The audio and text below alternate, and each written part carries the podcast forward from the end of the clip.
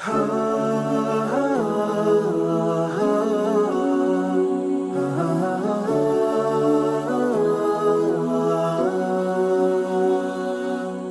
alaikum och hjärtligt välkommen till Koranpodden och till säsong 8 med temat mod. Jag heter Sally och detta är Koranpodden. Podcasten som visar på kraften i Koranens budskap och där vi bland annat träffar ungdomar och samtalar med dem om viktiga samhällsfrågor. Du lyssnar på poddavsnitt 222 och mitt samtal tillsammans med Arjan Dushku från Klippans unga muslimer. I detta samtal får du veta vilket fantastiskt arbete som unga muslimer gör för samhället i Klippan. I mina möten med Arjan har jag alltid blivit så imponerad av deras arbetssätt och sätt att se på samhället och deras vidsynthet.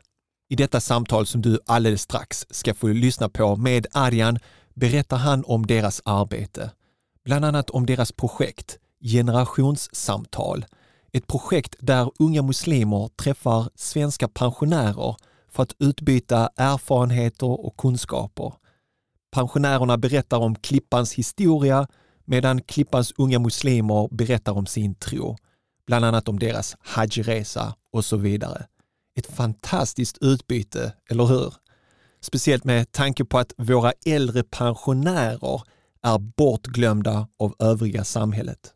Arjan berättar också om hur Klippans unga muslimer hjälpte till då syriska flyktingar kom till Sverige, men också om deras arbete för att hjälpa ukrainska flyktingar. Sann tro gör inte skillnad på flyktingar och flyktingar. Flyktingar har rätt till vårt stöd oavsett vem de är. Okej, nog med försnack. Nu ska du få lyssna på mitt samtal med Arjan Dushku som bland annat är bror till coach Dushku som gästade Koranpodden i avsnitt 196. Och i detta samtal medverkar också Jonas från Koranpodden Team.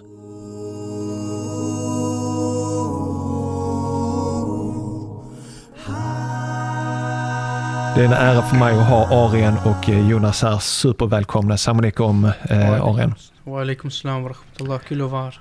Och så har vi Jonas också. Salam alaikum. Alaikum salam. Så jag kör min första eh, ljudeffekt här. Härligt. Mm. Okej, okay. Kul att ha er här. Äntligen så blev det av. Ja, verkligen. Det var lite fram och tillbaka men alhamdulillah, vi löste det. Alhamdulillah. Alright, superkul att ha dig här. Det var länge vi planerade här men det kom Mm. lite olika grejer. Eh, Du blev sjuk där ett tag. Precis, covid. Covid, Covid, du tog ja. testet, Ja. bekräftat. Ja, jag Ja. kände det på mig. Men du, jag klarade mig rätt så länge. Det var Ja. fram tills nu. Mm. Detta var första gången. Okej, Men det var bara första dagen det var lite tuffare. Sen så, okej. Så var, var det andra gången som du fick det när vi planerade att ha vårt samtal eller? Eller var det Eh, första? Nej, det var första gången jag, jag Okej. fick det. Andra Mm. gången fick eh, min familj. All right. Mhm. Och du gick, det var inte så eh, krävande, alltså så, du tog inte på dig eller? Eh, nej, alhamdulillah. Alhamdulillah. Eh, inte som jag förväntade mig. Ja. Första dagen var, var lite så. Lite frusen, eh, väldigt trött. Jag har aldrig känt mig så trött. Mm. Ehm, och febrig och så men eh, Mm. utöver det, ingenting. Så- Och, det var bara första dagen liksom. På kvällen blev det mycket bättre. All right. Subhanallah, jag har faktiskt också haft Ja. covid sen, sen dess och det var exakt samma för Ja. mig. Första dagen så var man riktigt trött och sen efter det var det som en vanlig förkylning typ. Och så Exakt. blev det successivt bättre. Precis. Det var mest halsen sen som kändes liksom. Ja, då, då, är ni, då tillhör ni en speciell klubb. För mig, subhanallah man, jag hade feber. På natten jag svettades otroligt mycket. Jag var supertrött. Det tog mig nästan tre, fyra veckor att återhämta mig, subhanallah. Subhanallah. Ja. Jag var helt eh, borta. Alltså så. Men alhamdulillah, ingenting som är andningen och de här allvarligare Ja. symptomen. Men eh. Mm. det var en riktig knockout. Jag har, jag har en vän och när han fick covid så var det så pass tufft för honom så han bara jag har vaknat tre gånger en natt och så Mm. shahada. Jag trodde att jag, att jag skulle dö liksom Ja. sa han. Eh, men det slår så olika på människa Ja. till människa. Helt otroligt. Ja, alltså. Jag hoppas vi har det bakom oss nu och inte behöver tänka på det Ja. inshallah. Så Ja. Det har varit en prövning för, för alla liksom, ja på olika sätt. verkligen. Både sina fördelar och nackdelar. Mm. Eh, känns som så. Alhamdulillah. Alhamdulillah. Arian, jag är här idag för att eh, du, gör, du har varit väldigt engagerad under en lång tid i KUM som står för Klippans unga muslimer. Och jag, jag kommer ihåg när jag träffade jag tror vi träffades i Tahara-butiken, så du nämnde Klippans unga muslimer. Du vet, alltså, Klippan för mig associeras med fördomar i sig. Så vet, jag, jag har aldrig varit i Klippan tror jag, jag har aldrig träffat Klippanbor och så här, men du vet, det hände ju flera saker i, i Klippan. Bland annat kommer jag aldrig glömma det här att det, var en eh, svart man som, som blev mördad, tror jag till och med. Precis. De slängde honom i ett buskage och folk gick förbi liksom inte vände Mm. så han låg död där under väldigt lång tid. Det här var ganska stora nyheter när det kom ut. Ja. Så, så i mitt i sinne har det etsat sig fast forever. Klippan är associerad med det. Ehm, så när jag fick höra att Kli- Klippans unga muslimer tänkte jag där måste vara tufft att jobba. Men sen när du berättade om vad ni gör så blev jag så inspirerad. För jag tänkte att jag har, jag har lyssnat på många muslimska föreningar och ungdomsföreningar och deras verksamhet som jag tyckte det som ni gjorde var väldigt unikt och eh, spännande. Och, och det är därför jag bjöd in dig här faktiskt Mm. för att lyssna på och att du kan dela med dig av dina erfarenheter. Men ta oss tillbaka till begynnelsen. Hur det startade. Eh, jag har ju hela tiden haft det där. I Klippan eh, fanns det ingen moské förrän uh, vi var några personer som startade upp det. Alhamdulillah. Uh, kort därefter kanske Vad var, det, vad var det som gjorde att ni startade? Hur tänkte ni då? Eh, alltså vi, vi åkte mest till Jumma till Helsingborg. Hela tiden liksom. Och bönerna bad vi hemma. Men eh, i samband med flyktingströmmen, precis innan det stora, eh, så kom det många syrier också. Och då började folk fråga lite, är här någon moské? Varför är det ingen moské? Och så vidare. Så min pappa och jag och några, eh, några andra som har bott i Klippan en längre tid eh, träffades och bara varför drar vi inte igång en moské här? Ja men det finns inte folk och hit och dit men vi kör på. Och sen får vi se var det mynnar liksom.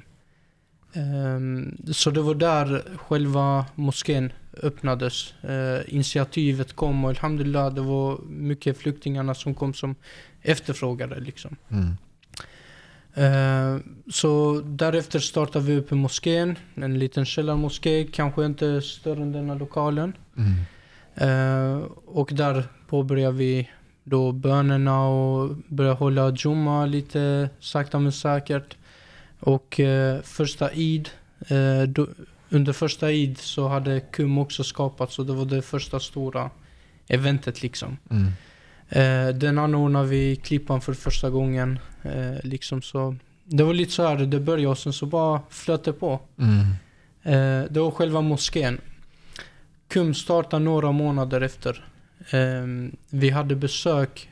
Jag inspirerades hela tiden av Malmös unga muslimer och Young Light i Helsingborg. Just det. Så tänkte jag, men nu har vi dragit igång moské. Varför ska vi inte dra igång en ungdomsförening också? Men jag hade inte känn- kännedom om, om hur vi ska Mm. gå tillväga. Eh, vi hade eh, besök från två personer, två unga killar från Malmös unga muslimer och deras pappor och, och någon sheikh som var på besök i moskén. Så pratade jag lite med de unga killarna han ena, Omar, Mm. Eh, han bara, varför startar ni inte Klippans unga muslimer? Jag bara, jag har tänkt på det men jag vet inte hur vi går tillväga. Han bara, inga problem, jag och Mohammed kommer hit. Vi hjälper er dra igång det. Och alhamdulillah, de hjälpte oss med stadgarna med allting. Mm. Och så, så drog vi igång, registrerade föreningen. Och sakta men säkert börja aktivera oss liksom. Vad var det för aktiviteter ni började med då? Och hur många ungdomar hade ni där i, i början? I början var vi 12 tror jag, Mm. på första mötet. Olika nationaliteter? Ja, eh, som, ålder? Somalier, eh, palestinier från Libanon, eh, Kosovo då, ja det var, det var lite de här nationaliteterna. Mm. Eh, det var ju en, Klippan är ganska litet, så vi kände varandra. Det var, ja, det var min brors kompis och så var det min kompis och så lite så här. Ja, ja. Ehm, så vi ins- inspirerade lite ungdomar att komma med liksom och så blev det ett första möte och därefter så startade vi. Vi pratade lite om hur ska vi gå tillväga för som du nämnde eh, Klippan är ganska unikt. Eh, Minst det, sagt. Det har, eh, det har en väldigt mörk historia bakom sig. Ja. Och eh, även idag finns det personer som har varit med i de här nazistiska organisationerna som idag är till exempel med i Sverigedemokraterna Mm. och toppnamn däribland. Ehm, så det är väldigt utsatt på det sättet. Är, är, är Klippan liksom alla känner alla typ? Ja, i, princip. All right. Eh, nu har det börjat bli lite större liksom. Eh, har man passerat 17 000 eh, invånare för två år sedan tror jag det var. Eh, men ja, alla har sett alla någonstans. ja Liksom. Ehm, så det är ganska välkänt mellan varandra. Och vi tänkte då, hur ska vi dra igång? Malmös unga muslimer kör eh, mest eh, aktiviteter riktat mot ungdomarna, de muslimska ungdomarna. Och det är mer föreläsningar, man bjuder in föreläsare och så vidare. Samma sak med Young Light. Och här har man även en stor moské bakom sig. Mm. Man har alltid ett ställe att ha sina aktiviteter på och så vidare. Och det är en storstad. Både Malmö och eh, Helsingborg. Så man har inte lika mycket ögon på sig. Och ska eh, en muslimsk förening vara en fiende, då Mm. riktar man sig till den stora. Inte till de här mindre Young Light och så vidare. Mm. Medan vi, vi var ju den stora eh, i Klippan. Och eh, ja, vi startade upp. Eh, och jag tror vi hade en föreläsning innan där stora flyktingströmmen kom. Eh, innan det bröt ut då 2015. Och mot hösten var det tror jag. Och eh, ja, då hade vi varit igång några månader och så tänkte vi vad kan vi göra här som är till nytta för dem. Det var, en, det var en otrolig kraftsamling då i början. Ja. Liksom många olika samhällsinstitutioner, eh, föreningar och organisationer som engagerar sig för att hjälpa flyktingar som kommer. Ja, precis. Och eh, det som också var unikt i Klippans kommun ingår även Ljungbyhed. Mm. Eh, och i Ljungbyhed eh, så var det det största transitboendet i Sverige. Just. Eh, 1100-1200 flyktingar kom och gick Mm. hela tiden liksom. Och i och med att det var så mycket ruljans så var även behoven ganska stora. Migrationsverket var där, Röda Korset var där, eh, så här regelbunden tid. Mm. På helgerna så deltog även vi. Eh, så hela veckan samlade vi in kläder, leksaker, allt möjligt. Var vi än kunde. Helsingborg, Klippan. Vi åkte och hämtade i olika städer och så vidare. Ja. På helgen körde vi ute till eh, detta flyktinglägret och eh, började dela ut då. Och vi hade ju de här eh, kun- språkkunskaperna med oss. Precis. Så det vi eh, också kunde det var att hjälpa Migrationsverket och tolka Mm. mellan de flyktingarna som var där liksom. Ehm, och även Röda Korset. Och jag fråga vilka behov har ni? Ja men jag har ett barn som är två år gammalt. Mm. Ja men då är det den avdelningen. Då går vi in här istället för att det ska vara eh, att de ska gå runt liksom jättemycket. Mm. Eh, hade någon något extra bekymmer, de kanske behövde sjukvård och så vidare, då kunde vi framföra det och hur de skulle gå tillväga och så Mm. Så vi försökte vara till så mycket hjälp som möjligt. Så det var vårt huvudfokus. Mm. Eh, då var det inte så mycket föreläsningar eller det ena det andra, utan det var vårt projekt. Mm. Hur, hur tog Röda Korset emot er då? Alltså de måste ha frågat sig, vem är ni för några? Ni bara, Ja. vi kom. Eh, Klippans unga muslimer. Hur, hur tog Röda Korset och eh, Migrationsverket, det är ju big players. ja, vi gick via kommunen. Right. Eh, vi tog kontakt med integrationshandläggaren Eh, han var faktiskt eh, praktiserande kristen. Okej. Mm. Eh, så... Hur, han- hur han- fick du han- veta han- det? Hade han ett stort kors kring Eh, halsen då som hängde? Eller hur Nej, visste vi, du vi, vi, vi visste inte det i början. Nej. Men sen så berättade han liksom under tiden vi, vi pratade att Mhm. eh, han är praktiserande kristen liksom.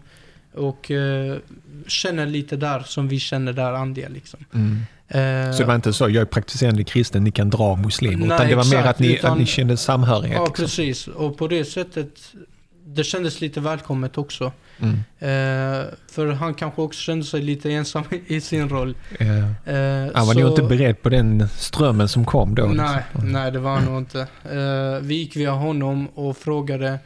eh, vi vet om att det är ett stort flyktingläger i, transitboende förlåt, i Mm. Ljungbyhed. Är det någonting vi kan göra? Eh, det vi kan göra just nu det är att samla kläder och så vidare och så vidare. Men är det något ytterligare? Så sa han att eh, jag ska föra er i kontakt med Röda Korset och de välkomnar oss med öppna armar liksom. Mm.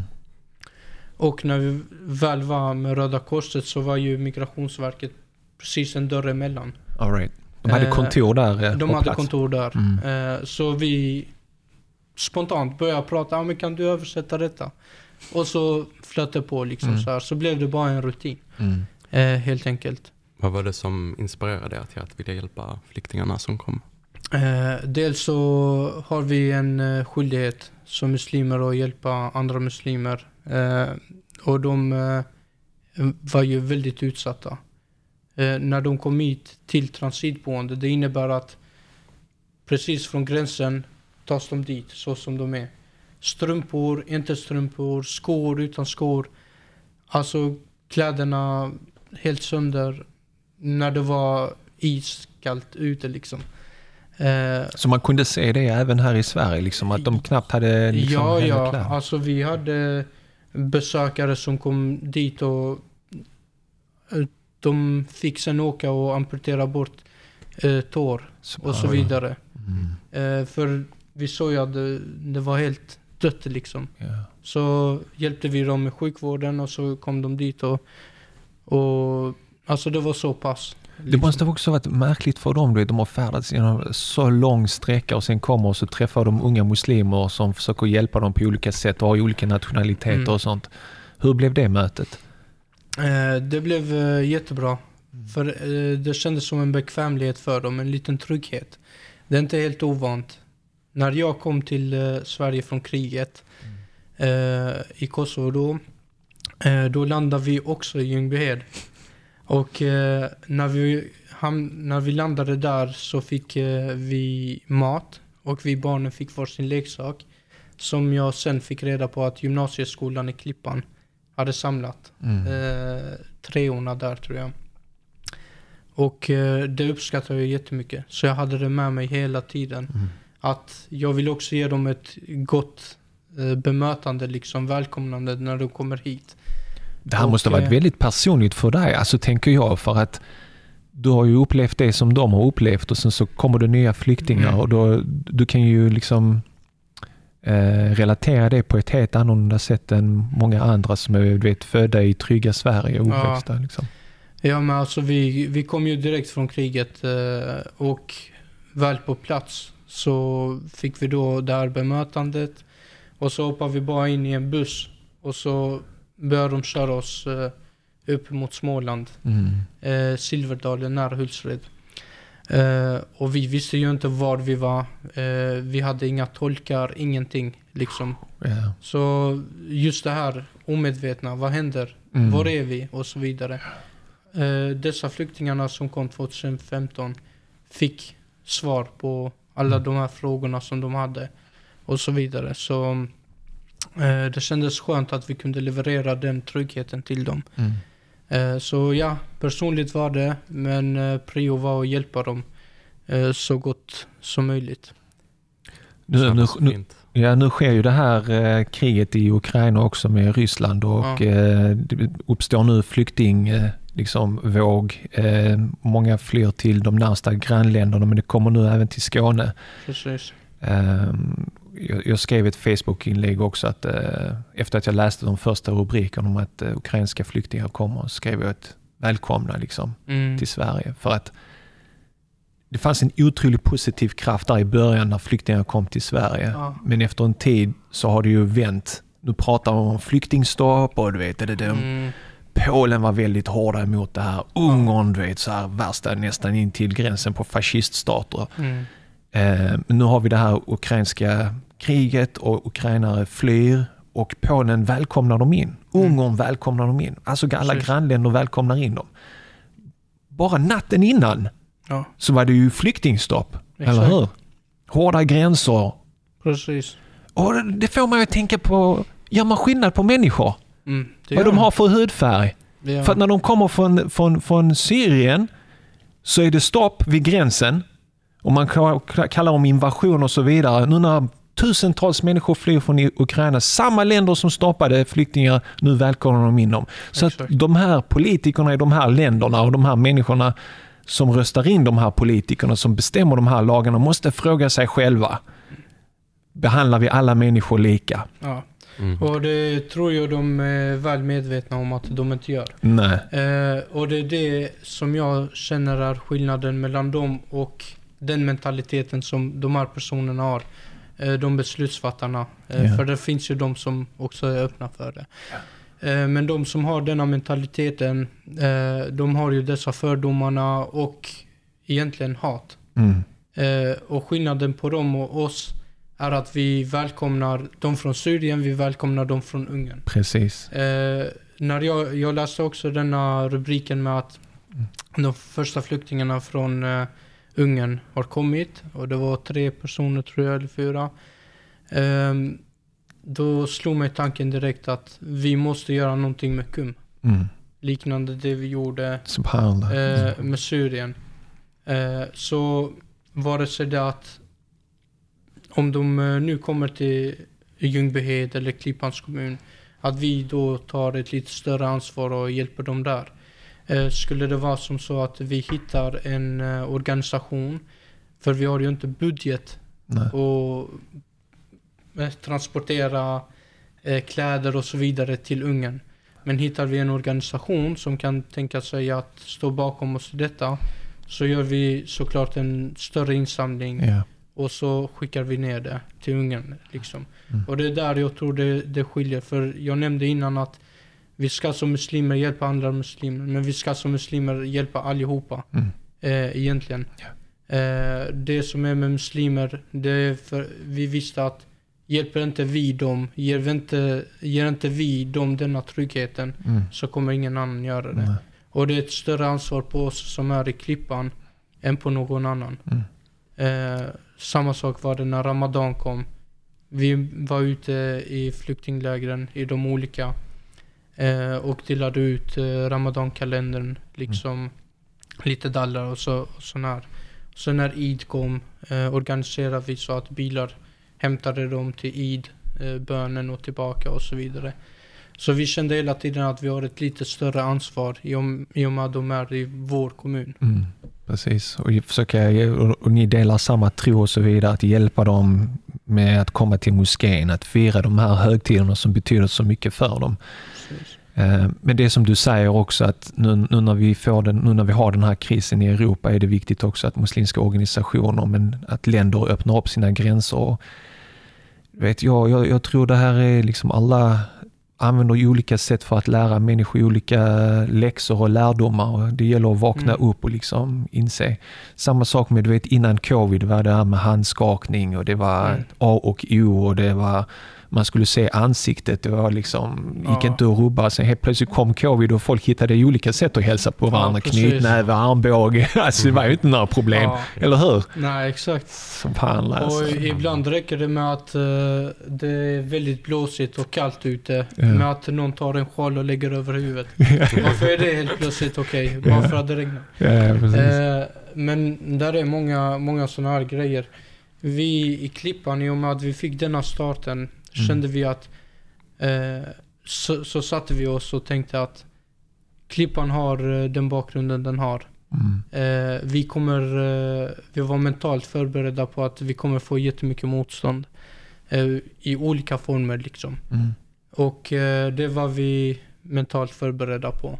Men vi tänkte, ska vi låsa in oss i någon moské och bara ha föreläsningar en, två gånger i veckan och bjuda hit eh, folk liksom som föreläser? Eller ska vi ha det lite då och då, men lägga största fokus på samhället? Mm. Just i och med att vi är så nya som vi är. Det innebär då att vi gick ut i samhället. De eh, eh, organisationerna eller eh, evenemangen som kommunerna hade. Mm. Där deltog vi också. Vi hade också utställningar. Eh, vi bakade också lite grejer eh, med multikulturellt eh, tema liksom och sålde och så vidare. Så vi var hela tiden utåt. Mm. Vi initierade ett samarbete med PRO, Pensionärernas riksorganisation. Jag kommer ihåg du berättade om det, jag tyckte om det. Alltså, Ja, Och det var det som jag tyckte var så unikt med er, att ni var mer outreach. Liksom Ja. nå ut till samhället, inte sitta i vår lilla förening och du vet, bara stänga in oss och låsa Mm. in oss, utan ut.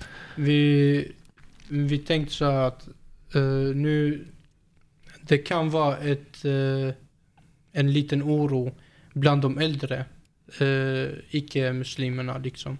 För eh, det är lite främmande. De kanske har växt upp när det mer var tidning. Och helt plötsligt så kommer tvn och nu blir det de här stora eh, rubrikerna i tv liksom och man pratar om hur farliga muslimer är och så vidare. Mm. Och det är ju den första introduktionen de får till islam och muslimer. Men vi måste ju visa vilka vi verkligen är. Så vi tog kontakt med dem. Eh, Vilke, vad var det för en organisation sa du? P? Pensionärernas riksorganisation. All right. PRO. I Klippan eller i Ja, Stockholm? eh, de är ju överallt. Ja, precis. Men vi tog kontakt med lokalföreningen där, Mhm. organisationen. Eh, Hur bemöttes ni av dem? jättebra. Det är det som jag är också förvånad över. Alltså vi har Klippan vet, som har sin sån stämpel. Och jag vet hur mycket muslimska föreningar kämpar med liksom, när de försöker nå ut med misstänk, alltså de misstänkliggörs och folk bara så, nej vi vill nog inte samarbeta med er. Exakt. Vilka är ni? Så, men det känns som att när ni vände er så folk bara yeah, cool. Ja, alltså vi, vi hade det här tankesättet att vi vet med oss att det är kanske lite udda.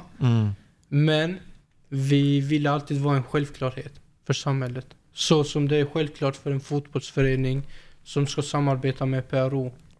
Eh, fast de inte gör det. Men bara som ett eh, exempel. Eh, varför ska inte vi kunna göra det? Mm. Eh, och detta är ju någonting som är lite mer unikt än bara muslimer och äldre. Det är muslimer och icke-muslimer. Eh, det är unga och äldre. Det är två helt olika perspektiv på livet. Vi, vid varje träff hade vi, eh, någon gång berättade vi om Hajj. Mm. Eh, och de fick ställa sina frågor och vi visade lite bilder och så vidare. Eh, någon gång hade vi tema Ramadan. Mm. Någon gång hade de ett tema om Klippan.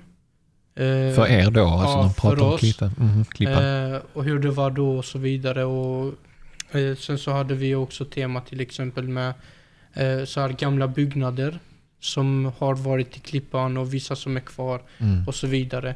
Och vid varje träff så hade vi lite fika.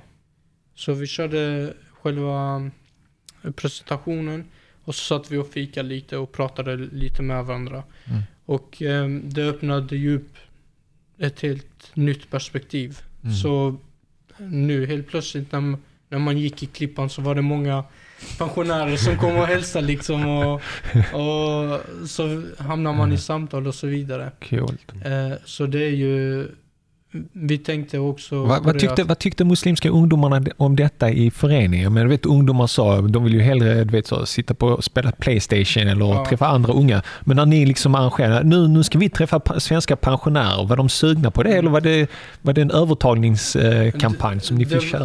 eh, vissa eh, som är lite närmare kretsen liksom, Mm. de var ju, denna tiden dukade upp i den lokalen liksom. Mm. Eh, så det var det. Men sen så var det många också som anslöt sig frivilligt. Mm. För jag har alltid sagt det. Början är väldigt svår. När man har varit igång med projektet en längre tid och inte ger folk argument att de ska alltså kasta ut dig. Mm. Eh, eller kolla dåligt på dig.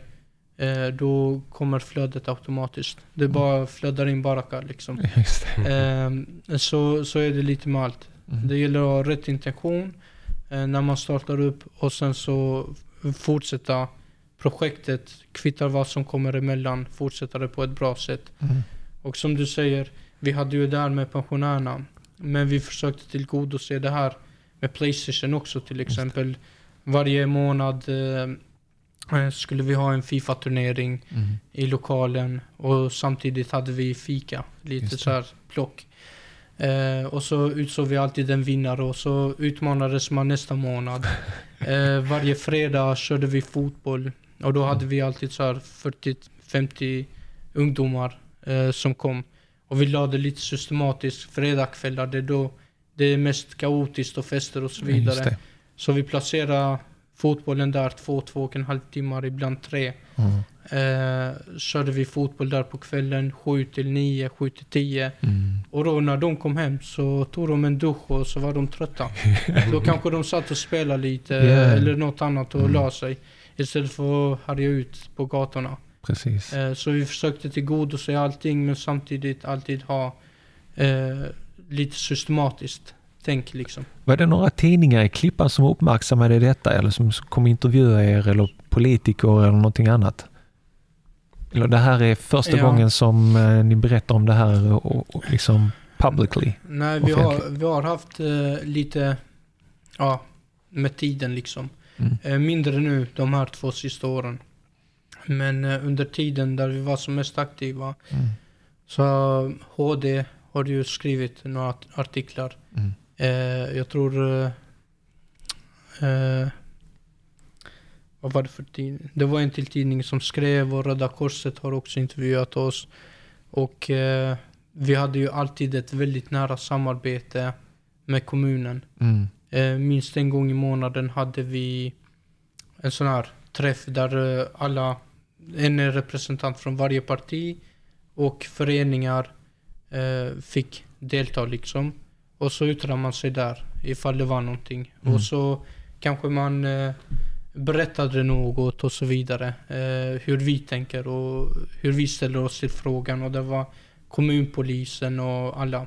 Grymt, Så grymt. vi hade ett väldigt bra, men sen så skedde det ett, eh, i och med valet så bytades, eh, så bytades, eh, Var det ett visst parti som fick massa... ja de, de vann ju men sen så SD vann ju i, i Klippan. Mhm. De hade flest röster men då gick eh, Socialdemokraterna, eh, Moderaterna och Centerpartiet tror jag ihop. Mm. Och så är det de som, som styr liksom. All right. Men eh, där är ju fortfarande vissa politiker även i de partierna som har vissa andra tankar. Och de har ställt in da- de här mötena vi hade liksom. Mm. Eh, men innan det var det kontinuerligt hela tiden och eh, det kunde handla om att boenden med flyktingar liksom är i risk för att brännas ner. Det kunde handla om att många ungdomar, kanske med muslimsk bakgrund, var bråkiga i skolan. Och då nådde de ut till oss och vi tog upp det på fredags eh, Predikan. eh, predikan liksom. Och så nådde vi ut till eh, föräldrarna och för, föräldrarna pratade med barnen. Det gick knappt två veckor. Hörde ordförande i eh, barn och ungdomsnämnden av sig och sa att tack för att ni tog upp det. Det har hjälpt oss jättemycket. Wow. Nu är det ordning och reda. Så det, vi har hela tiden haft ett bra samspel. Men vi har ju alltid haft SD på oss. eh, För det är där fokuset är. Mm. SD, men även många så här, privatpersoner som... Wannabes. ja, precis. Hur har ni försökt hantera det när ni har mött eh, motstånd? Eh, vi har alltid bemött det. Vi har alltid tänkt, som alla uh, säger till profeten sallallahu alaihi wasallam, ifall jag hade gått hårt mot dem så hade de aldrig accepterat det. Mm. Liksom. Eh, så vi försökte alltid ha det här tänket med oss i varje grej vi går in. När de skriver någonting, vi svarar eh, skarpt liksom, men ändå artigt. Mm. Så de har ingenting att komma tillbaks med. Eh, när generationsträffen kritiserades jättemycket till exempel. att eh, generationsträffen, var det den här när ni träffade pensionärer? Ja, precis. Kritiserades? Ja, den Åh, kritiserades herregud. j- Alltså hur kritiserar man? Jättemycket. Man kritiserade i form av att ni bör istället ha, till exempel, ni bör istället ha le- lektioner för flyktingar om hur man beter sig i Sverige. eh, istället för att lägga i fokus på pe- pensionärer. Alltså, Ah, och då, och då vi, vi kunde ju också artigt svara på att eh, pensionärerna är ensamma. Pensionärerna är otrygga. De har eh, brist på aktiviteter om dagarna. Och vi bemöter dem. Och vi träffar era föräldrar. Och vi fikar med era föräldrar. Eh, så vi Som upp- ni överger ibland för Ja, de känner sig precis. ensamma, eller hur? Ja, Mm. exakt. Så lite så skarpt, en liten tankeställare men ändå Ja. artigt liksom. precis. Man behöver inte gå till svordomar eller Nej. vi gör si, vi gör så. Utan Mm. alltid något. Och då har de inte så mycket Mm. att komma med liksom. Det, det är ganska provocerande alltså, du vet, när man, när man gör, försöker göra någonting fint, träffa pensionärer och umgås med dem. För samtidigt som de lär sig någonting av er så lär ni er någonting av dem. Om, om Klippan, om dem som personer, om, och de berättar om sina familjeliv och så vidare. Och det skapar öm, ömsesidig respekt och så Mm. vidare. Att bara lägga ner det, alltså, Ja. Kritisera det, men, det är helt Men det är ju bara det här hatet. ja, ja alltså vi, vi har sagt, även du som kommenterar detta är välkommen att delta på dessa generationsträffarna. ja. Vi är ju ungdomar, men även ifall du är medelåld- medelåldrig. Mm. Du kan vara en eh, pendel, eh, vad heter det, mellan oss och generations eh, och pensionärerna liksom. Mm. Eh, så det är konstant. Och det sa de eh, handläggarna i kommunen också, för vi har, vi har fortfarande bra kommunikation med dem och så, men då när det var som mest intensivt sa de att kvittar vad ni gör så kritiseras ni. Ja, precis. Alltså För det handläggarna, kvittar han, hur bra det är. handläggarna ser vad ni gör. De är Ja. utbildade, de är professionella, men politiker ibland. Ja, och det är det, Lokalpolitiker är bara sådana det, bing det, bong. det är det som är skillnaden. Mm. eh, mellan, mellan eh, vad heter det, Ehm, pol- politikerna oftast och tjänstemännen och Ja. kvinnorna. Eh, de ser ju vilka vi är, de träffar oss. Eh, vi ansöker om någonting och vi kanske vill eh, bara göra kommunen delaktig i någon aktivitet och så vidare. Så träffar vi dem och vi diskuterar och de förstår exakt hur vi tänker och så vidare. Men de eh, politikerna, till exempel, många, för det är många politiker som har stått upp för oss även när det har diskuterats i kommunfullmäktige. Right. Eh, där vi tyst fick tiga liksom. Eh, Och de diskuterade er? Och de diskuterade oss och försökte knyta oss till Sveriges unga muslimer och Sveriges unga Ah. muslimer som har bjudit in någon som har eh, talat om IS och Ah. eh, han har inte kommit men han har fortfarande talat om IS. Och så försökte de koppla hela detta ledet med oss med IS. Ja, just det. Eh, så alltså... Och, I, eh, IS infiltrerar svenska pensionärer och Ja exakt. Alltså... äter och dricker te och kaffe med dem. Ja. Försöker, jag vet inte. Ja. Ja. Nej men, eh, alltså det var fantasigrejer. Vi, när vi organiserade första Eid-bönen. Mm. Eh, vi började den tidigt, ganska tidigt. Jag tror Precis. det var 8-9 tror jag vi bestämde. Och så får jag ett samtal eh, från en handläggare i kommunen och bara Hej Arjan. Eh, och någon dag innan la vi upp Korbani. De som vill donera Korbani Ja, gör det via Islamic Relief. Liksom här är länken, där betalar ni allt. precis. Och någon, antingen så har de velat misstolka det eller så har de misstolkat. Så hade flera personer ringt Aha. till kommunen och sagt att eh, där eh, evenemanget som Klippans unga muslimer ska ha, Mm. ska de eh, även slakta djur Just det.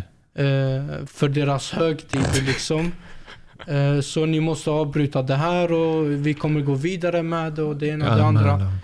Så sa jag till henne att, eh, sa hon att jag vet vilka ni är och jag vet att det inte stämmer. Och de sa att den som ska hålla predikan är en IS-talare och så vidare. Så sa handläggaren att vi vet att ni inte är Mm. så. Men hur, vad, vad är det vi ska säga till dem för att bemöta det? Just det. Så jag vet du vad, eh, ta med dig eh, kultur och fritidschefen och kom Mm. hit. Åh, grymt. Eh, Ja, eh, kom hit, ni är med under hela evenemanget. De har startat än, folk har börjat droppa in. Mm. Eh, Så de ringer dig precis när, när eventet är på G? Ja, Liksom. ja, alltså under eventet. Oh my jag God, var på så stressigt. och vi höll på att ställa fram godisskålar och Ja. presenten till barnen och så vidare.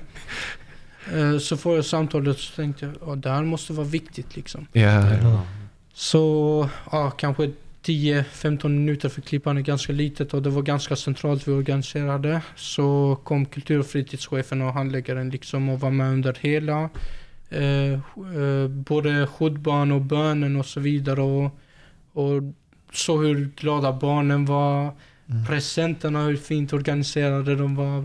Godisen och allt. De bara, alltså, vi har inte varit med om något finare liksom. nu vet vi exakt hur vi ska bemöta det. Exakt. Så hela tiden har det varit grejer som har tagit eh, energi tyvärr. Eh, men eh, vi har alltid försökt hålla, hålla, Det- det- hålla det- bra standard. Om, ja, precis. Om jag också förstår det du försöker säga är att ni är transparenta. Ni har ingenting att dölja.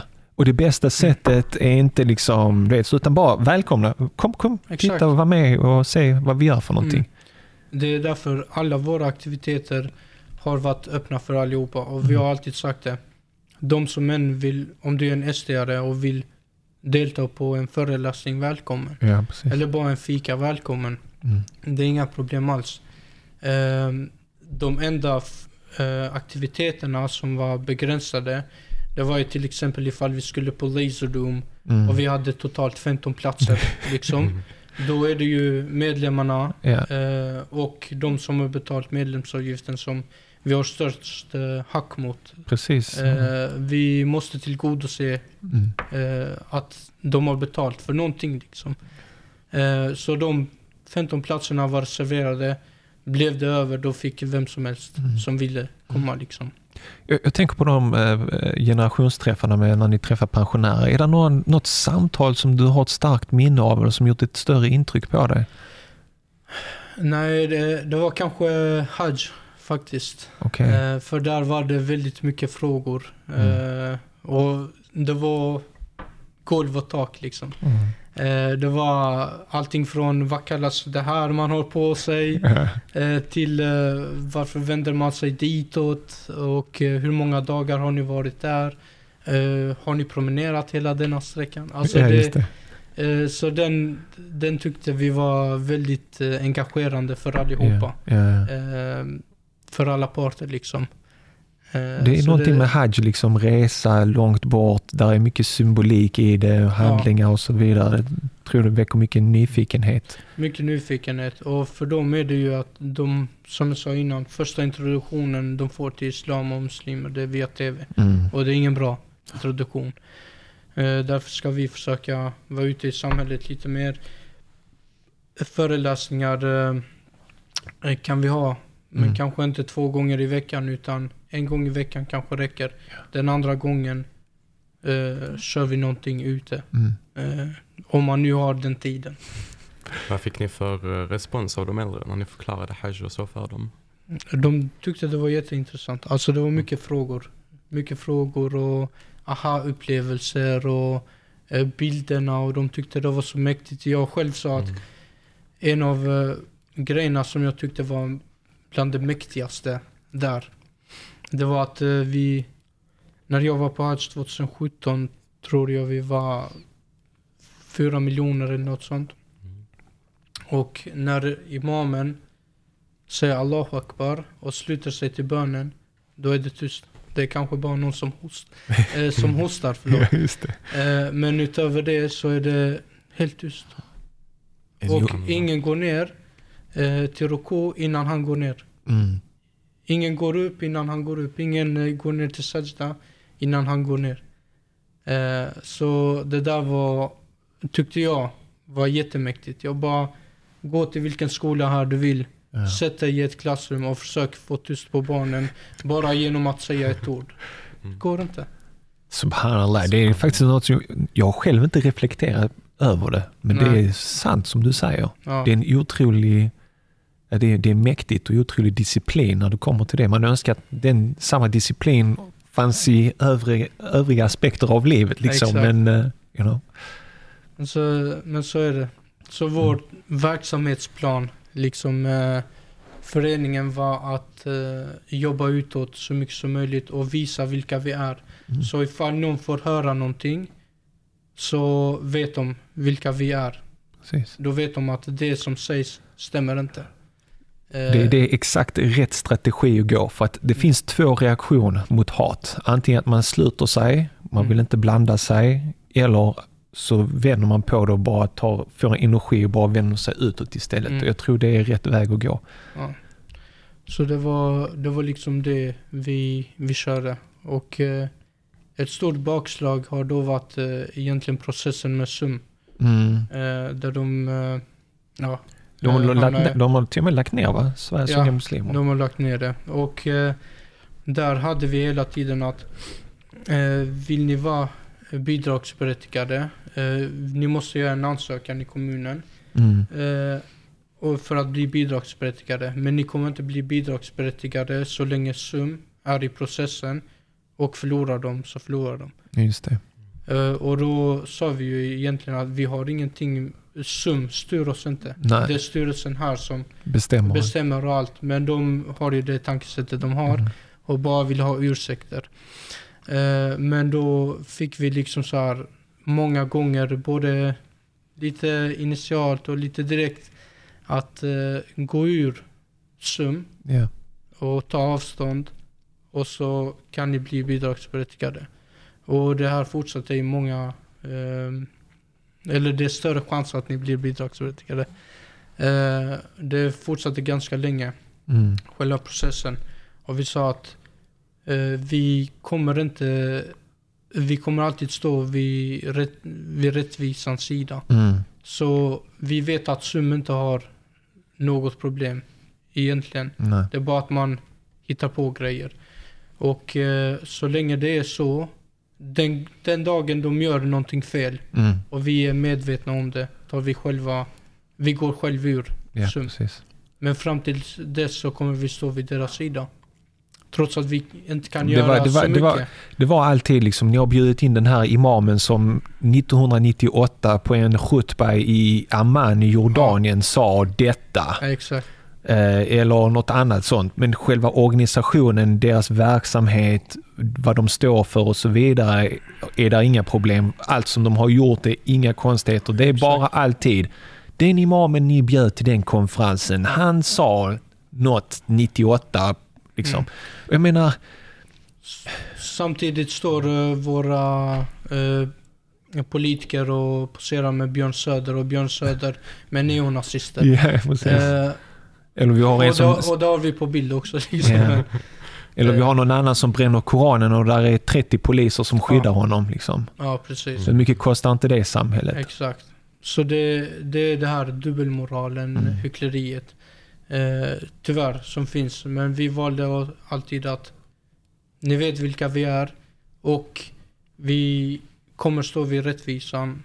Och den dagen då Rashid själv sa till mig att Arjan, eh, det kommer nog inte gå längre, vi kommer lägga ner Mm. organisationen. Eh, så hjälper det er att gå ur organisationen så gör det. Mm. Och det var då vi gjorde det. Eh, Men fram tills dess så stod vi stadigt liksom och sa att vi viker oss inte liksom. Det, vi måste stå vid rättvisan även att det kostar oss något.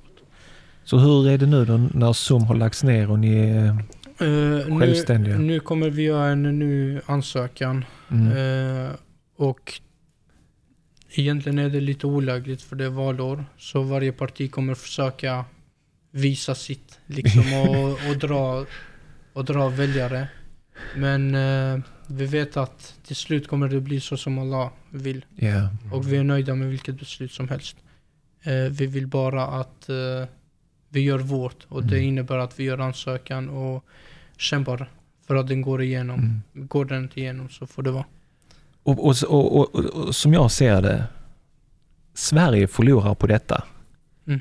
Därför att det ni gör med de här samtalen, dialogerna och det som ni försöker bygga upp är ovärderligt för samhället. Mm. Man kan inte sätta ett pris på det, men ni får lite projektpengar, lite stöd. Nu tar man till och med stödet ifrån.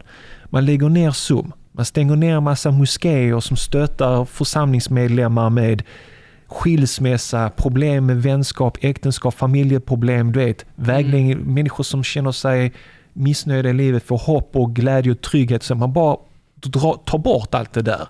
Slutar stötta de här grejerna. Kommer det generera någonting positivt och det blir något Nej, bra? Inte, inte positivt. Det de indirekt gör det är att de tvingar oss till att välja denna vägen som du sa. Ja, Ska vi arbeta utåt eller ska vi sluta oss i en moské? precis. Det kommer sluta med att man sluter sig inne i moskén Ja. och man har föreläsningar. Och det är allt man har tid och pengar och det är till. allt man har tid och pengar till. Och jag kan eh, säga bara som ett exempel. Klippans unga muslimer, det bidraget som man har ansökt om. Eh, det är väldigt små summor. Ja. Och det är egentligen för lokalhyran där vi hade fotbollen. Och det är kommunens lokaler. Så kostar de att- egentligen ingenting. Det innebär att pengarna eh, vi fick i bidrag kom från kulturförvaltningen till oss.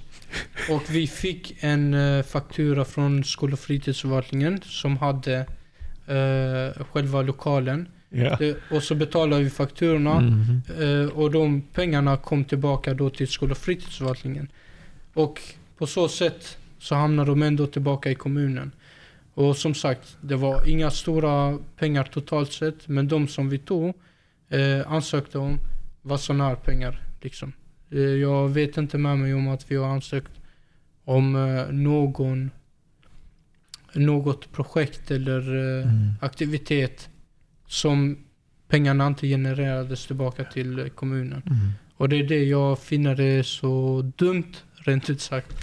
Eh, Alltså ska, ska liksom- man stoppa de här så ungdomarna inte kan spela fotboll, blir de Ja. överviktiga, hittar på dumheter i samhället, tar sönder så kostar det mer pengar. Istället Ja. för att aktivera ungdomar, bra hälsa, mindre kostnader för sjukhusen för att de mår bra. De hittar inte på dumheter, de spelar fotboll, de har roligt och så vidare. Och så egentligen kostar de ingenting för det är som du säger, pengarna bara går runt liksom. Och de Mm. behöver inte anställa någon kommunanställd som har detta. Nej. Utan det är KUM som styr det. Mm. Och vi har haft väldigt, väldigt bra projekt liksom. Eh, vi har sagt att nu är det Klippans unga muslimer som organiserar fotbollen. Ja. Och i och med att vi ska organisera fotbollen, det får inte förekomma att någon eh, svär. Det får inte ko- förekomma svordomar. Mm. Det får inte förekomma bråk och så vidare. Bråkar ni så åker ni ut. Ni får inte vara med eh, resten av året till exempel. Och så vidare. Så vi satte även sådana här regler som eh, var som en liten påminnelse inför varje eh, fredag liksom, Mm. där vi spelar. Så det var ju, det var ju där. Vi försökte göra så mycket som möjligt och vi gjorde väldigt mycket nytta för samhället. Eh, vi hade även, när det var valår förra gången, vad var det, 2018 då? Så var det många också som frågade vilka ska jag rösta på? Mm. och så vidare. Så tog jag kontakt eh, med en politiker eh, och kommunen då och sa att eh, så och så är det. Jag vill inte säga till folk, ja men rösta på detta eller detta. För det är bäst för oss muslimer. Utan vi vill arrangera ett, ett litet evenemang där varje parti får skicka en representant. Ja. Och den representanten har max 10 minuter på sig och presentera partiet och deras eh, valfrågor liksom. Och frågorna som är viktiga för dem. Och sen så får ja, de åhörarna avgöra sen själva. Ja. Då behöver de inte fråga mig. Nej. Så vi gjorde det. Kom SD också på det? Och SD kom också. Wow, så ni Eh, bjöd in dem också? Vi bjöd in dem också. eh, och vi hade faktiskt, eh, även när vi sitter och pratar med SD så här, så har vi ganska bra diskussioner. Mm. Eh, men det är mer sen när de vill utåt Yeah, till, yeah. eh, för även när vi sålde fika till exempel, kom de och swisha 200-250 spänn istället för 70. Eh, bara, ni gör bra grejer. What? Det låter helt knasigt. Ja. Så Wow. På pri, pri, privat personligt plan så, så till och med stöttar de er verksamhet genom att betala extra för fika för att de ser Ja. att ni gör bra grejer. Men Mm. när det är politik, när det handlar om att signalera till sina signalerar ut väljare. Till väljarna. Vi, Mm. har, vi har haft diskussioner med eh, både ordförande och alltså många av deras politiker. Ja. Och eh, vi har ju många frågor där vi inte är ensamma. Men det är alltid bra, det är inte all, aldrig liksom att vi skriker Nej. och de skriker och så vidare. Utan det är väldigt bra eh, diskussioner och det är lite så, bara ge dem argument. Eh, när vi hade detta evenemanget så sa till exempel eh, SDs eh, ordförande ehm,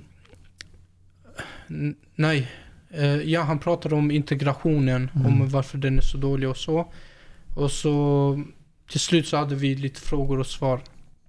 Så dag, kvällen innan så skrev han i en sån här sluten eh, Facebookgrupp i Klippan att eh, den dåliga integrationen i Klippan eh, är mest på grund av Klippans kommun och Klippans unga muslimer.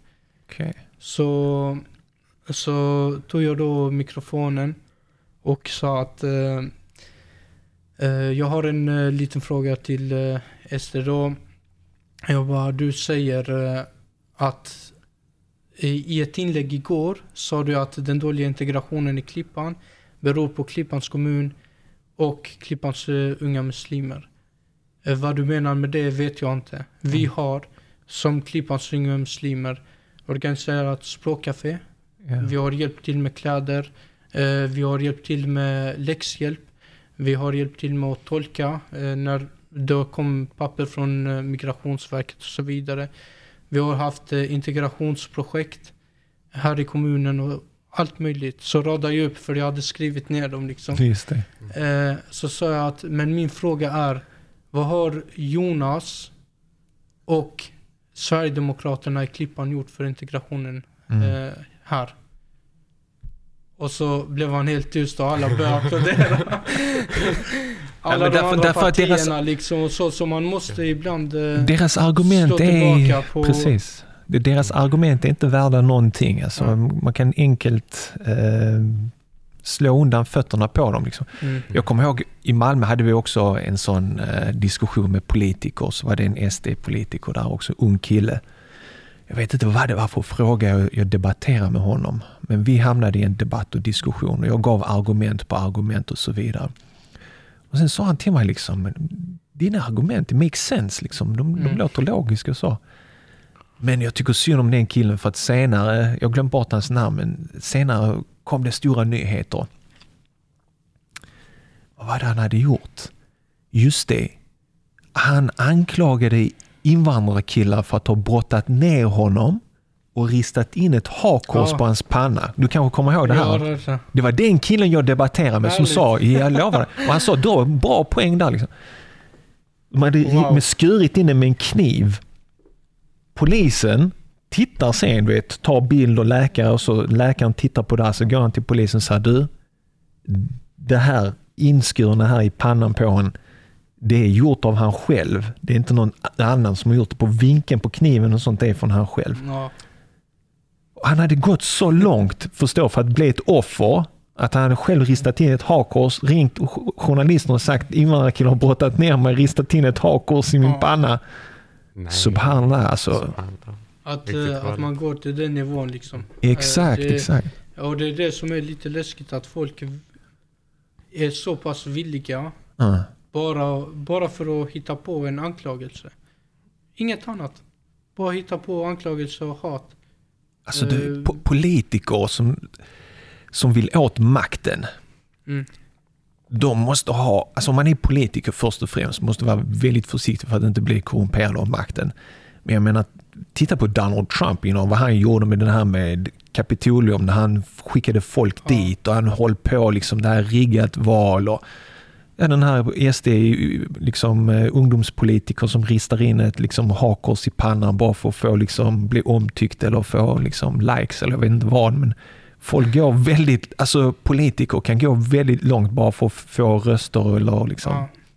Och det är det lite som är, som vi sa, vi har även hört att eh, och sett liksom i kommentarer där eh, SD-politiker eh, har skrivit ah, det, eh, grabbarna i KUM är riktigt och bra och schyssta grabbar, det är bara synd att de är muslimer.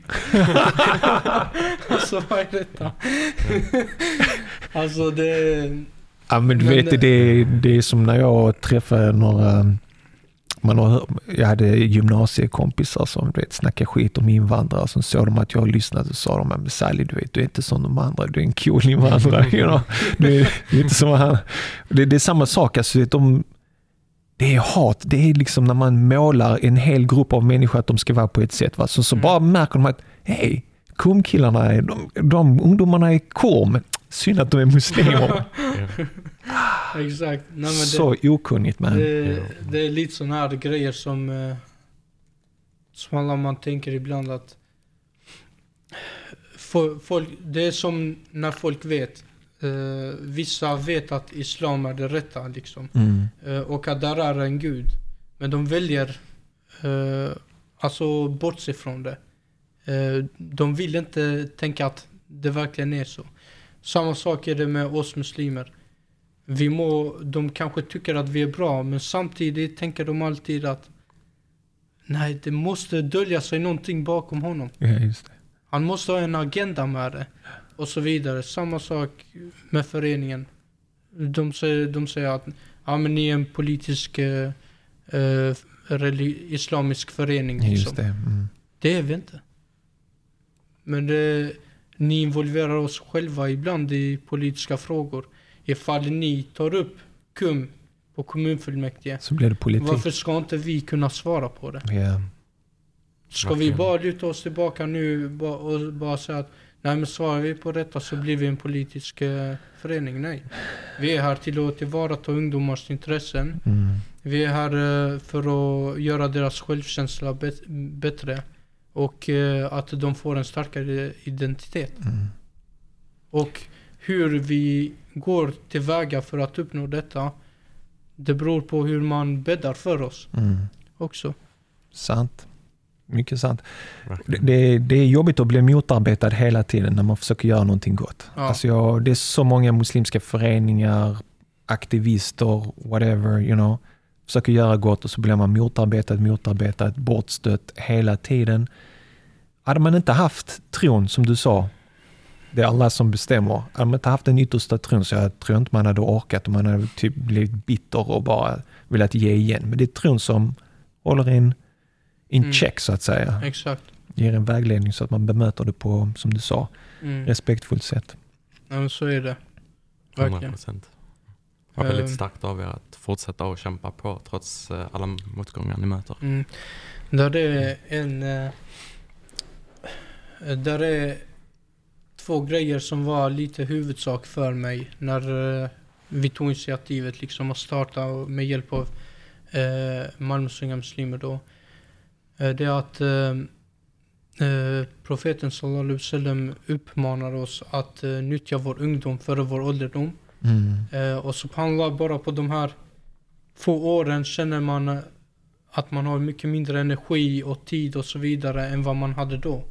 Och då ska vi inte prata när man blir 50 kanske. Eh, så det var ett av eh, grejerna som inspirerar mig. Det andra det är att Allah kommer specifikt fråga oss om vår ungdom. Eh, hur har vi nyttjat vår ungdom? Vad har vi gjort med vår ungdom? och så vidare. Och då vill jag ha någonting eh, att lägga på bordet liksom. Mm. Eh, för går jag dit och säger ja men jag gick på en föreläsning. Ja men vad har du gjort för eh, att inspirera andra? Vad har du gjort för dawan? Vad har du gjort eh, för att folk ska förstå islam bättre? Mm. Vad har du gjort för att motarbeta det här, eh, den här hatbilden och de här fördomarna som finns Mm. gentemot islam? Nej, inte mycket. Mm. Men eh, just där är alltid någonting när Allah frågar specifikt om något. Eh, som till exempel ungdomen. Då, då är det viktigt att vi nyttjar ungdomen på ett bra sätt. Och lägger vår krut och energi på det vi kan. Och gör det bästa av läget. För någon gång kommer vi både jag som många andra som har varit ordförande och initiativtagare och så, vi kommer lämna så småningom. Mm. Om inte eh, föreningen så denna värld. Eh, Så vi måste ha någonting med oss eh, i sparbössan liksom. Verkligen. Och till den som lyssnar, vad skulle det för tips till den som vill bidra till en förening eller starta en förening som Klippans unga muslimer? Eh, först och främst, eh, så som läget är nu eh, efter covid så skulle jag egentligen tipsa om att eh, vi ungdomar vi jobbar med så många olika grejer. Någon inom ekonomi, någon med avtal, eh, någon eh, jobbar som ja, partisekreterare eller vad som helst. Nyttja de kunskaperna du har förvärvat via jobbet, via skolan. Gå till moskén, fråga styrelsen, är det någonting vi kan eh, underlätta för er? Liksom, och, för oftast när det är en muslimsk organisation, styrelsen, moskén där, den styrelsen har mycket att bära på axlarna. Och ofta så har man kanske inte kompetensen och den måste kompletteras utifrån. Eh, och det underlättar och ger dem tid till annat fokus också. Så egentligen lägg fokus på det. Kolla med lokala moskéer vad ni kan hjälpa till med. Eh, är ni så pass många där ni ser att okej, ni behöver eh, en ungdomsavdelning så kan man antingen skapa den via moskén, alltså i moskéns namn. Eh, eller så startar man upp en förening. Um, och starta upp en förening det är att ifall man någon gång skulle få något eh, bakslag eh, så ta det på föreningen, det tar inte lika mycket på moskén. Just Eh, det. det är det som är lite, lite skillnad. Jag, jag, jag håll- håller med dig helt och hållet. Alltså det här att vi behöver fler, jag, jag brukar prata om det som fotboll. Vi har för få spelare på planen. det är för många som är i publiken. ja, som också är duktiga spelare. Så att vänd er till de föreningar och organisationer som finns och eh, säg jag, jag kan det här, är det något jag kan hjälpa till med? Detta är mina kunskaper, detta är mina erfarenheter, vad kan jag hjälpa till med? Så eh, vi behöver fler spelare, det, det Mm. tror jag är viktigt. vi har sett eh, goda eh, förebilder i Helsingborg. Mm. eh, nu senaste tiden med WACF som ska byggas. Där är många ingenjörer, där är arkitekter, där är personer som är jätteduktiga i Excel Mm. och så vidare. Som gör det här bakgrundsarbetet frivilligt. Mm. Eh, för allas skull.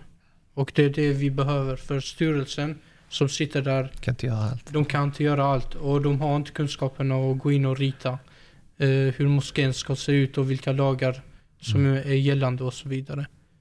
Och det är helt förståeligt. Så därför, nu ser vi vad man kan åstadkomma ifall man samlas och hjälper, hjälp, hjälper till liksom. Eh, så det är egentligen det medskicket och till ungdomarna. Tänk på det här att vi en dag kommer stå inför Allah och Allah kommer fråga oss, oss som vår ungdom. Så var vi att svara. Jag tackar för de orden. Jag tror att de får vara de sista orden för denna gången. Ja. Eh, Jag önskar er all lycka till med er förening och jag hoppas inshallah ni får igenom det och att eh, politiker eh, inser vikten av det fina arbete och viktiga arbete som er, som er förening gör. Och det är så synd att det finns människor som inte ser detta, som låter sig vägledas av hat och eh, förakt.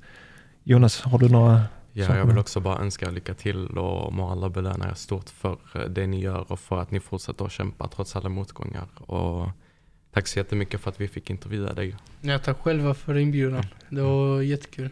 Och Allah belönar er stort för Amen. hela, projekt, eh, hela projektet i stort. Och inte bara detta. Mm, dig med. Jazakallah khair. Salam alaikum. Tack för att du lyssnade på mitt samtal tillsammans med Arjan Dushku från Klippans unga muslimer. Det som jag speciellt tar med mig från mitt samtal med Arjan är hans positiva inställning till att göra gott. Hans mod att stå upp för de goda värderingarna såsom att inte göra skillnad på människor, att behandla alla människor rättvist oavsett vilken tro de har. Arjan träffar och umgås med svenska pensionärer, hjälper ukrainska flyktingar för hans tro lär honom att se människan som en skapelse av en gemensam Gud. Detta är beundransvärt och borde värdesättas och stöttas av samhället. Men när vi har okunniga politiker som misstänkliggör och vill stoppa bidragen, ja, då är det faktiskt samhället som blir den stora förloraren. Samhället som de här okunniga politikerna säger att de arbetar för och värnar om. Förloraren är inte Adrian och hans vänner i Klippans unga muslimer, för deras belöning finns hos Gud. Om du fann samtalet med Arjan Dushku lika inspirerande som jag gjorde skulle jag uppskatta om du delade samtalet med våra unga. De måste få lyssna på detta fina arbete som Klippans unga muslimer gör och inspireras. Skicka ett mail eller ett sms med direktlänken till samtalet koranpodden.se 222. Nästa veckas avsnitt är ett samtal med Gustav som konverterade till islam i Singapore. Gustav heter också Jamal idag och här är ett kort utdrag från vårt samtal. Så jag tänkte att okej, okay, jag släpper alla de här fördomarna jag har om eh, islam och bara liksom ska jag öppna mitt sinne och så går jag till det här Muslim Converts Association som de hade mm. där i Singapore. För att de har ju olika folkgrupper och eh, ja, ibland blir det giftermål över de här kulturella gränserna och sånt. Och, och då blir det, ja. Missa definitivt inte nästa veckas avsnitt med Gustav som också är känd som Jamal om att finna islam i Singapore. Många ungdomar i vårt land finner stor inspiration och lär sig något nytt varje vecka om sin muslimska tro via Koranpodden. Och vi behöver ditt fortsatta stöd för att hålla Koranpodden aktiv och vid liv. Som du kanske redan känner till så drivs Koranpodden uteslutande av våra lyssnare. Vi har inga som helst reklamintäkter eller bidrag från kommunen, staten eller från utlandet. Och på så sätt är vårt arbete fritt från yttre påverkan. På Koranpodden värdesätter vi nämligen det fria ordet väldigt högt. Du kan enkelt och snabbt hjälpa Koranpodden genom att donera en engångssumma via vårt swishnummer som du hittar på vår hemsida koranpodden.se. Klicka på donera i menyn. Må Allah belöna dig rikligt för ditt stöd. Följ oss på Facebook och Instagram där du kan följa arbetet med Koranpodden bakom kulisserna och följa arbetet med säsong 8. Och på vårt Instagram postar vi regelbundet inlägg med inspirerande citat ur Koranen och från våra olika avsnitt.